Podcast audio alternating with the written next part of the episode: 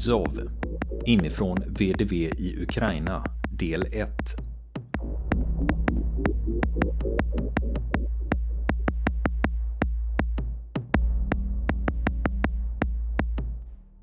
Ja du Niklas, eh, jag vet inte om du brukar följa militära saker som händer i media? Ja, det, det händer väl.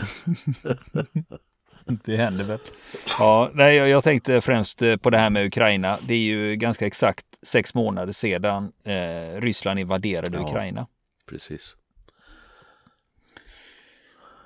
Och eh, anledningen till att vi ska prata om det här idag och flera avsnitt framöver, det bygger på att sergeanten i de luftburna styrkorna för Ryssland, alltså fallskärmsjägaren Pavel Filatjev, han har skrivit memoarer som heter ZOV, Z-O-V. Och du vet, det är ju de bokstäverna de har haft på ryska stridsfordon i Ukraina. Och ZOV har ju också blivit som ett litet slagord för och de som stödjer invasionen i Ryssland. Då. Ja, jag såg eh, uppgifterna om den här sergeanten eh, börja cirkulera eh, på en del nyhetssajter där man har, mm. har citerat lite grann ur det här då men du har tagit dig an hela hans manus. Ja. ja, ja precis för jag blev nyfiken jag fick läsa de här utdragen Uh, och så tänkte jag, men uh, jag vill ju se hela historien då. Så då tänkte jag att det här är ju säkert något som frontens lyssnare också är intresserade av och faktiskt få höra någon som har varit där och som kan beskriva ryska armén och framförallt då VDV inifrån. Och för när jag har läst det här, det jag närmast kommer att tänka på, det är ju Babchenkos Krigets färger. Eh, eh, Babchenko är ju, han, är inte han ukrainare förresten? Egentligen? Ja, det är ju ett ukrainskt namn han har. Han bor i Ukraina nu, gör han. Han bodde ju i Ryssland tidigare men, eh, men gick i exil så att säga till Ukraina och ja, eftersom han var en känd Putin-kritiker då. Ja, nej för han, nej, just Babchenko, han var ju med i ett av Tjetjenienkrigen där. Och, och sen skrev han en bok om sina upplevelser och den är ju väldigt, väldigt skakande men väldigt, väldigt, väldigt bra. Så vill man veta hur ryska armén fungerar inifrån så är det ett enormt bra vittnesmål. Och jag, jag känner igen en del grejer när Filatjev berättar sin historia så tänker jag direkt på mm. Babchenko. Ja, när du, när du säger hur den fungerar inifrån, kanske hur den inte fungerar. Det är väl snarare rätt, ja. rätt uttryck. Ja, Ja, jag vet. Och sen såg jag också det på sociala medier när det här började snurra runt. För även utländska medier har ju tagit upp citat från hans historia. Men det är ju ingen som har kört hela storyn som vi ska göra då. Men, men, han, eh, men jag vet det var så, folk som, någon som hade skrivit så här på sociala medier. Åh, hur kan man ta upp det och hylla Ryssland? Och jag tänkte bara nej. Du har ju inte läst ett ord. Det är ju inte det det handlar om. Utan det är ju tvärtom. Hans historia visar på en rysk stat och en armé med omfattande problem. Det är nepotism, det är korruption, det är inkompetens, det är omotiverade och oinformerade soldater och det handlar om saknar trasig eller föråldrad utrustning. Och de lyckas inte fylla sina plutoner, kompanier eller bataljoner heller med folk. Ja. Som sagt, jag kan berätta lite här för Filatjev. Han deltog i invasionen. Han tillhör 56 luftlandsättningsbrigaden i de luftburna styrkorna, alltså VDV. Men efter två månader i Ukraina då evakuerades han till ett sjukhus för då hade han kraftig värk i rygg och ben plus en hornhinneinflammation i ögonen som gått så långt att han inte kunde se. Och den här berättelsen som han har publicerat, det är 141 sidor och de är publicerade på den ryska sociala kanalen V-kontakte. Men sen efter att ha publicerat sin historia så har han flytt Ryssland. Var han är någonstans nu, det är ju inte känt. Han har själv sagt, jag befinner mig i ett demokratiskt land. Ja.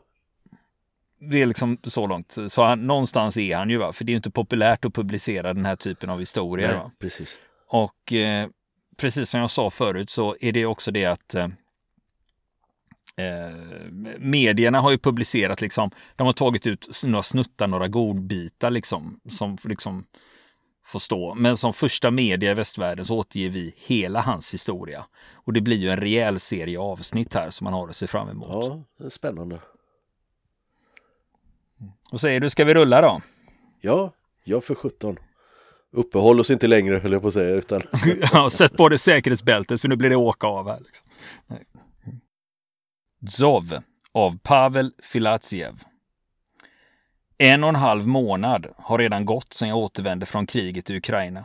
Ja, ja, jag vet att du inte kan säga det här ordet krig, det är förbjudet. Men ändå kommer jag att säga exakt krig. Och ni måste förstå det här korrekt. Jag är redan 33 år gammal och hela mitt liv har jag bara berättat sanningen. Till och med när det varit i min egen nackdel.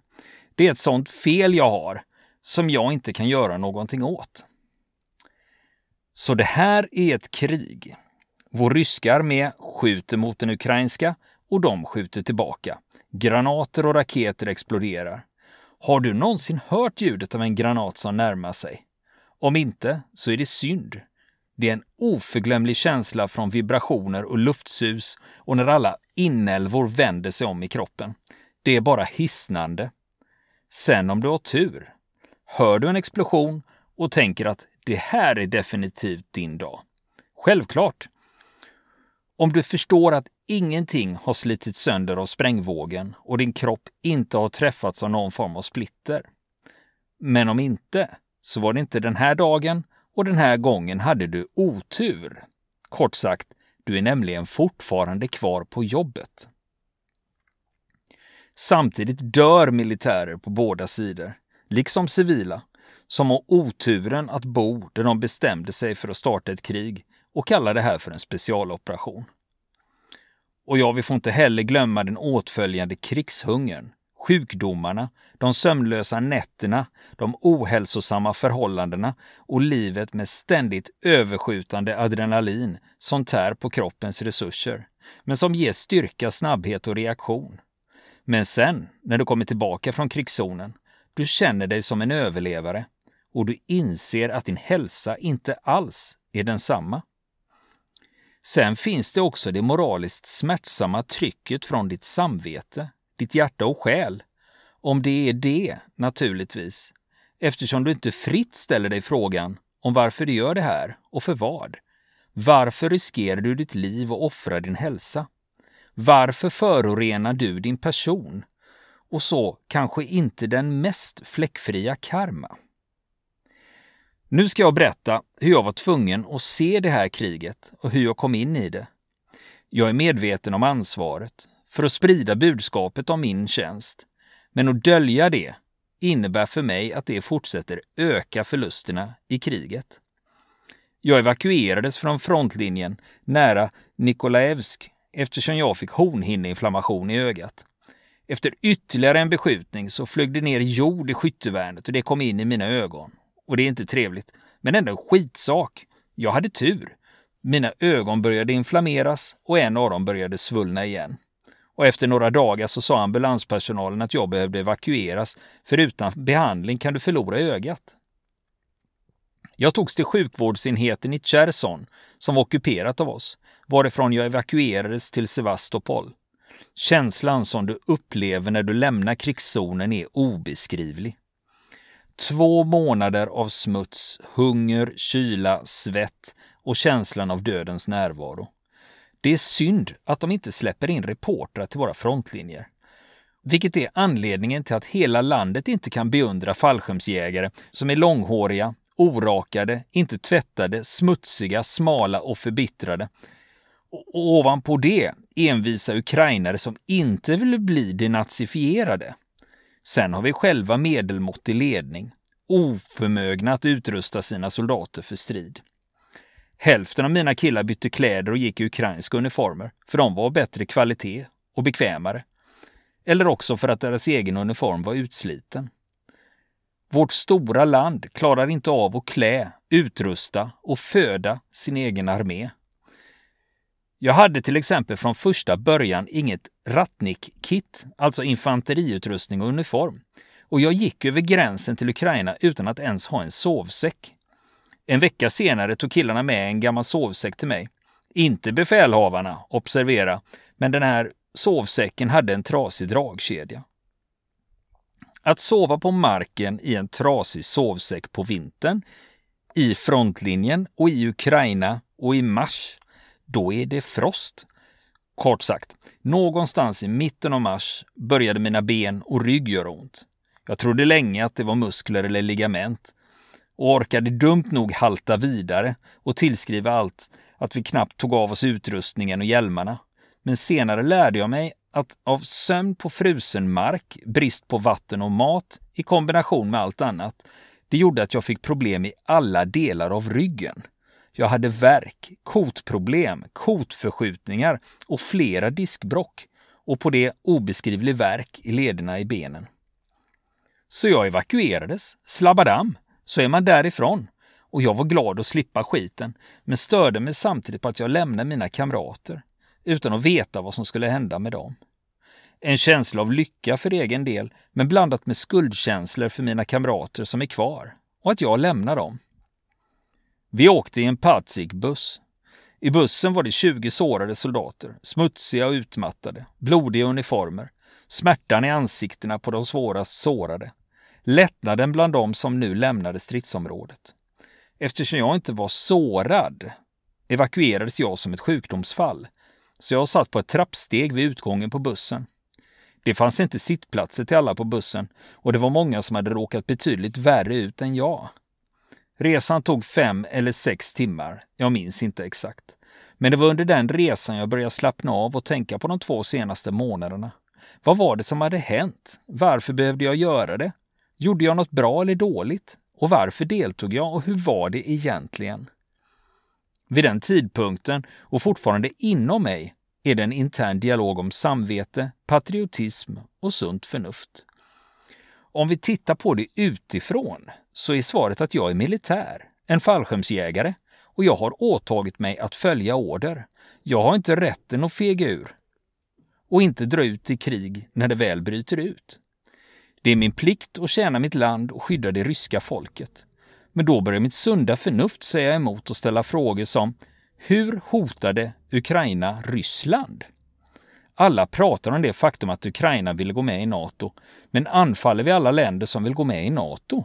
Lettland, Litauen, Estland och Polen är redan med i Nato och Finland vill gå med. Turkiet sköt ner ett av våra flygplan för inte så länge sedan, men det glömdes snart. Och Japan tvistar om några av våra öar som de hävdar tillhör dem. För helvete, USA gränsar till oss i öst, men av någon anledning är allt detta inte en anledning att starta ett krig. Vi attackerar dem inte. Eller är det bara för nu? Det visar sig att det här inte är anledningen. Om vi inte hade attackerat Ukraina skulle de ha attackerat oss. Många upprepar det på tvn att vi inledde en förebyggande attack. Men hur kan du tro att Ukraina skulle ha attackerat Ryssland? Krim? Om Ukrainas väpnade styrkor inte ens kunde hålla sina gränser. De för ett försvarskrig med stora förluster. Alla vet att kriga i försvar är lättare än att anfalla. Hur skulle detta land som försvarar sig med svårighet och sakta förlora sina territorier anfalla? Och skulle det inte vara lättare för vår armé att förstärka gränserna och försvaret runt Ukraina och i händelse av deras attack möta fienden på defensiven, bryta deras offensiv och gå till motattack? Trots allt, i det här fallet skulle våra förluster vara mycket mindre och världssamfundet skulle inte kunna anklaga Ryssland för att vara en angripare och beskriva vårt land som en ockupant och inkräktare. Det visade sig att Ukraina skulle attackera Ryssland är inte heller sant. Ukraina var förslavat av nazismen och de kränker den ryska befolkningen. Men hur konstigt det än kan tyckas, när man kommunicerade med människor som befann sig i Ukraina före kriget kunde ingen komma ihåg ett specifikt fall där någon på något sätt blivit kränkt eller kränkt honom för att ha ett ryskt efternamn eller inte kunnat prata ukrainska. Och några enstaka fall av inhemska konflikter på etniska grunder kan hittas i alla länder i världen. Vi attackerade för att rädda Donetsk och Luhansk. Vad är Donetsk och Luhansk? I själva verket och rent juridiskt är det här två regioner som var en del av Ukraina som gjorde uppror och bestämde sig för att bli självständiga. Skulle det inte vara samma sak om Karelen ville tillhöra Finland, Smolenskregionen tillhöra Litauen, Rostov tillhöra Ukraina, delrepubliken Sacha tillhöra USA och Khabarovsk tillhöra Kina? inte det samma sak? Varför försvarar vi Luhansk och Donetsk? Mådde vanliga människor i Donbas bättre? När allt kommer omkring, i ryska federationen, vi skulle inte ha tolererat det här. Precis som vi inte en gång gav Tjetjenien självständighet och betalade för det med tusentals liv. Varför gjorde vi samma sak med våra grannar? Men samtidigt kunde ledningen av Luhansk och Donetsk, trots stödet från ryska federationens regering, inte ge sitt folk social trygghet och ge dem säkerhet, vilket är anledningen till att människor flydde en masse till Ryssland, Krim och Ukraina. När jag kommunicerade med människor som flytt i kriget i Donetsk och Luhansk hörde jag inte om något fall av nazism som det ropas om från våra medier. Men alla pratar om att de flydde från kriget och att de bara ville leva och arbeta i fred. Om vi på alla möjliga sätt försökte hjälpa människorna i Donetsk och Luhansk, varför begränsade vi oss då inte till att förse alla med ryska pass? Vi har mycket tomt land som en mänsklig hand inte har rört. Låt dem komma, bo och arbeta med oss. Varför behöver vi territorier i det som i själva verket är en främmande stat? Varför då? Har vi ont om land? Har verkligen alla som velat bo i Ryssland ännu inte fått ryska pass och flyttat till oss?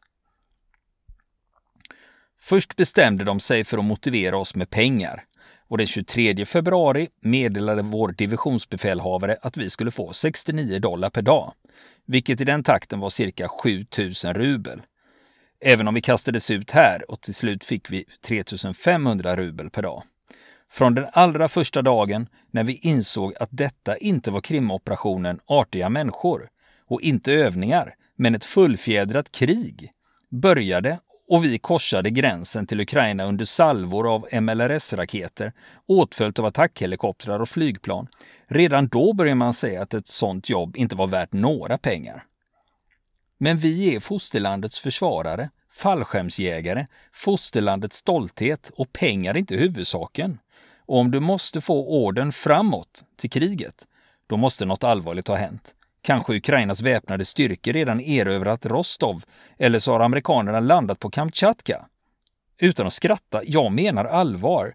Först antog jag att något sånt hade hänt eftersom vi gick för att bryta igenom gränsen till Ukraina och fick en order att inta Cherson såg jag ingen annan logisk förklaring. Förlåt, jag presenterar mig inte. Jag är gardesergeant Pavel Filatjev sjätte kompaniet, andra bataljonen, 56 luftlandsättningsbrigaden i sjunde gardesluftlandsättningsdivisionen i VDV. Ja, precis den brigaden som general Shoigu bestämde sig för att upplösa strax före det här kriget. Troligen för att utjämna Ukrainas chanser mot Ryssland så upplöstes brigaden förra året en utrustad, välorganiserad brigad på 3000 fallskärmsjägare bestående av tre attackbataljoner, en fallskärmsbataljon, en spaningsbataljon, en stridsvagnsbataljon som har eget artilleri och luftvärn, håller på att upplösas. I brigaden fanns nästan inga vakanser. En brigad som hade byggts upp under 20 år i staden Kamyshin. De upplöser familjerna och sprider dem över hela Ryssland. De skapar ett regemente från brigaden. Ja, som ett regemente. Från regementet, det är bara ett namn. Lämnar bara en fallskärmsbataljon på regelbunden basis och överför den till Krim i staden Feodosia och kombinerar den med den separata 171 attackbataljonen som redan är belägen där. Och från dessa två bataljoner bildar de ett regemente. Ett regemente bestående av en luftburen bataljon, ett luftburet insats och ett spaningskompani och deras antal är faktiskt lika med en pluton. Inte nog med att det här inte är ett regemente, så även den luftburna insatsbataljonen var inte fullt bemannad i antal. Dessutom beslutade våra stora reformatorer att skapa, som vi fick veta, nattexperimentella luftlandsatta bataljonen genom att sätta hela bataljonen på vanliga UAZ-jeepar som inte är bepansrade. Så det var precis så min bataljon skickades i krig. Jag glömde också nämna att bataljonen består av tre kompanier. Mitt kompani gick i krig med cirka 45 personer och de andra två 60 personer vardera. Och den luftburna insatsbataljonen bestod av 165 soldater. Lysande. Ja, i princip är det att allt ser bättre ut i rapporterna eftersom bataljonen är cirka 500 personer. Antalet trupper runt Ukraina var cirka 200 000 på samma sätt. Enligt min åsikt, med tanke på korruptionen och systemet med uppskrivna rapporter som nu är så vanliga i armén, när ledningen döljer problem, så korsade cirka 100 000 ryska militärer gränsen till Ukraina den första dagen. Och det mot 200 000 soldater från Ukrainas väpnade styrkor. Tack vare oändligt löjliga experiment och brist på sunt förnuft har armén äntligen upphört att vara en attraktiv och lovande plats för den bästa ungdomen. En situation då det råder brist på militära universitet och kontraktstjänstgöring, vilket vi har varit tvungna att använda sedan 2003, har egentligen blivit en plats där människor från de lägre sociala kretsarna, som jag tyvärr också tillhör, för ju mindre utbildad och kunnig i juridik du är, desto lättare är det att manipulera dig. Allt det här förstördes av Värnpliktsverket, vilket gjorde det till en blandning av dagis med kolonibosättning när de värnpliktiga, efter att ha muckat, går till det civila livet utan att ha lärt sig någonting och sen berättar för sina vänner om det och alla som hade möjligheten föredrar att helt enkelt undvika ett sånt värdelöst slöseri med sitt eget liv. Men en gång i tiden var det de värnpliktiga soldaterna som framgångsrikt kämpade i Afghanistan och Tjetjenien. Framgångsrikt när det gäller det faktum att de utförde de uppgifter som tilldelats dem och inte led sådana förluster som den nuvarande Ryska federationens professionella armé redan har lidit i Ukraina. Ja, jag glömde berätta att jag har gått i 56 barnballettskolan sedan 1993 och har observerat dess kollaps i 30 år. Jag minns 1999, början av kriget i Tjetjenien, då jag som tonåring följde med min far dit för att gå ut i krig. Vid tretiden på morgonen ställde första bataljonen upp sig på paradplatsen nära högkvarteret och regementschefen gav bataljonen stridsorden att det var nödvändigt att göra en tvångsmarsch, att det var nödvändigt att inleda strid med banditerna. Från det självutropade Tjetjenien. Påminner det dig inte om något? Reagerade inte Ukraina också på Luhansk och Donetsk? Att det är farligt och om en av soldaterna av någon anledning inte vill eller kan göra det här, då är det nödvändigt att slippa tjänsten. Att orsakerna kan vara olika. Det kan vara familjen, religiösa, skäl eller en sjuk mamma. Men sen, efter det, då slapp ingen ifrån. Inte en enda. Även om, förutom officerarna, bataljonen på cirka 500 personer bestod av värnpliktiga soldater i åldrarna huvudsakligen från 18 till 20 år.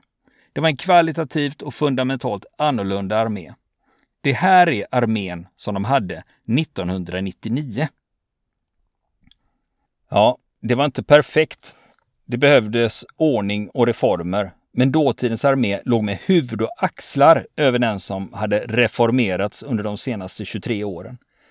När det gäller det nuvarande vägrade ett stort antal kontraktsoldater att gå med i kriget med Ukraina vilket också spelar en roll i misslyckandet med specialoperationen.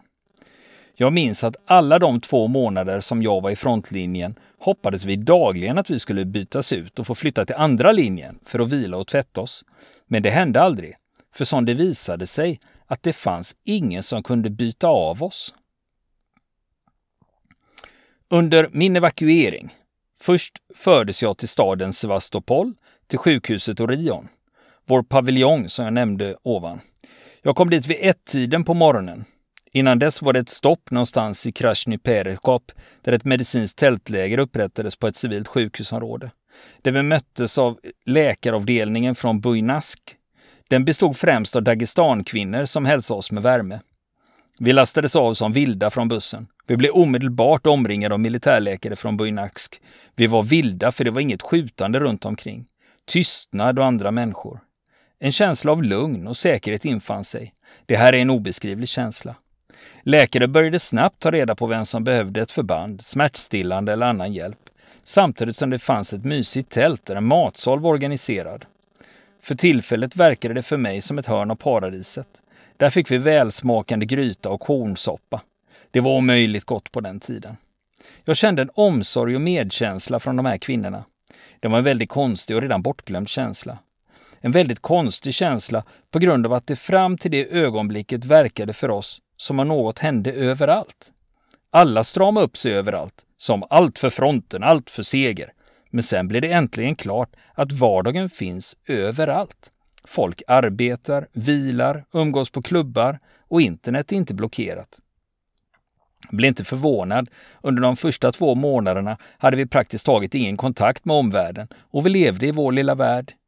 I mycket lätt och bekvämt ett krig där vi, förutom de omänskliga förhållandena, med brist på mat, vatten, sömn, varma kläder och normalt människoliv, upplevde informationshunger när man livnade sig på rykten från en chaufför som åkte tillbaka för att hämta torrransoner och hörde att internet blockerades.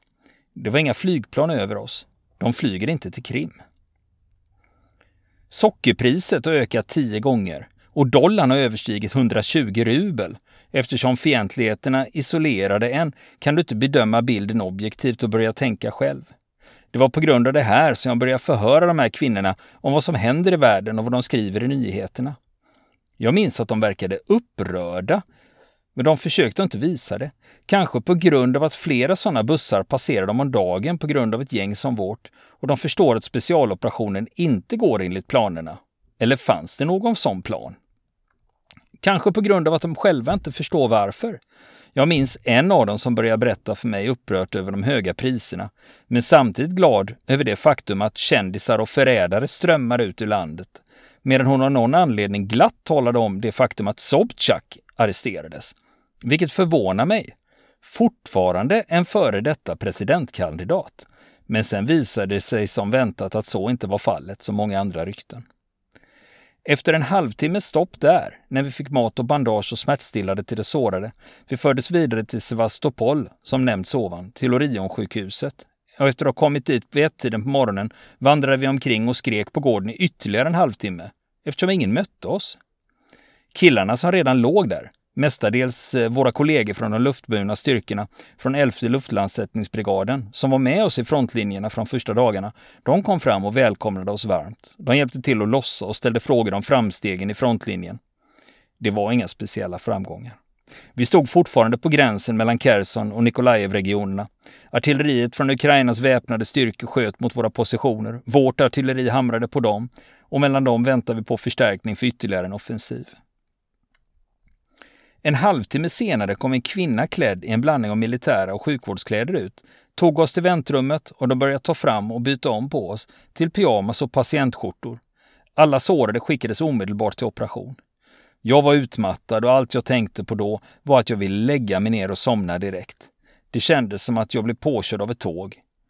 Allt gjorde vilt ont. Jag kunde inte förklara exakt. Rygg och ben gjorde ont. Dessutom hade jag problem med mina ögon. När de äntligen fick det tog de mig till avdelningen där sköterskan gav mig någon form av blandning att dricka och ett piller och sa att jag skulle sova bättre. Jag blev mycket förvånad över att sjukhuset var väldigt modernt och nytt. Avdelningarna hade tvåbäddssalar. Avdelningen hade dusch, toalett, luftkonditionering och det fanns en andra utgång till gatan, direkt från avdelningen. Det var fräscht, tyst och bekvämt. Efter skyttegravarna tyckte jag att det var bättre där än ett hotell som Radisson eller Hilton. I kriget drömde jag om en själ. Men i det ögonblicket, trots att mina händer var svarta av envis smuts, fann jag inte styrkan att duscha. Jag la mig bara på sängen och somnade efter att ha sovit hela tiden i en position. Sån lycka att få möjligheten att sova på sängar med rent linne, i säkerhet och tystnad. En person som inte har sovit på bar mark i frost och skor med en känsla av konstant fara kan inte förstå. Medan jag sov sattes min kamrat i mitt rum. Vi anlände tillsammans på den där bussen.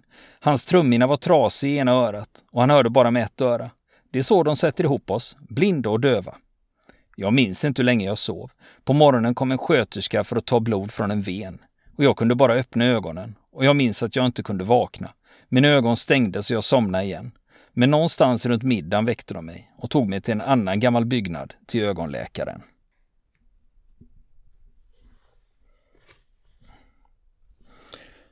Ja, Niklas, vi tar och pausar Filatjevs berättelse för den här gången och så fortsätter vi nästa vecka.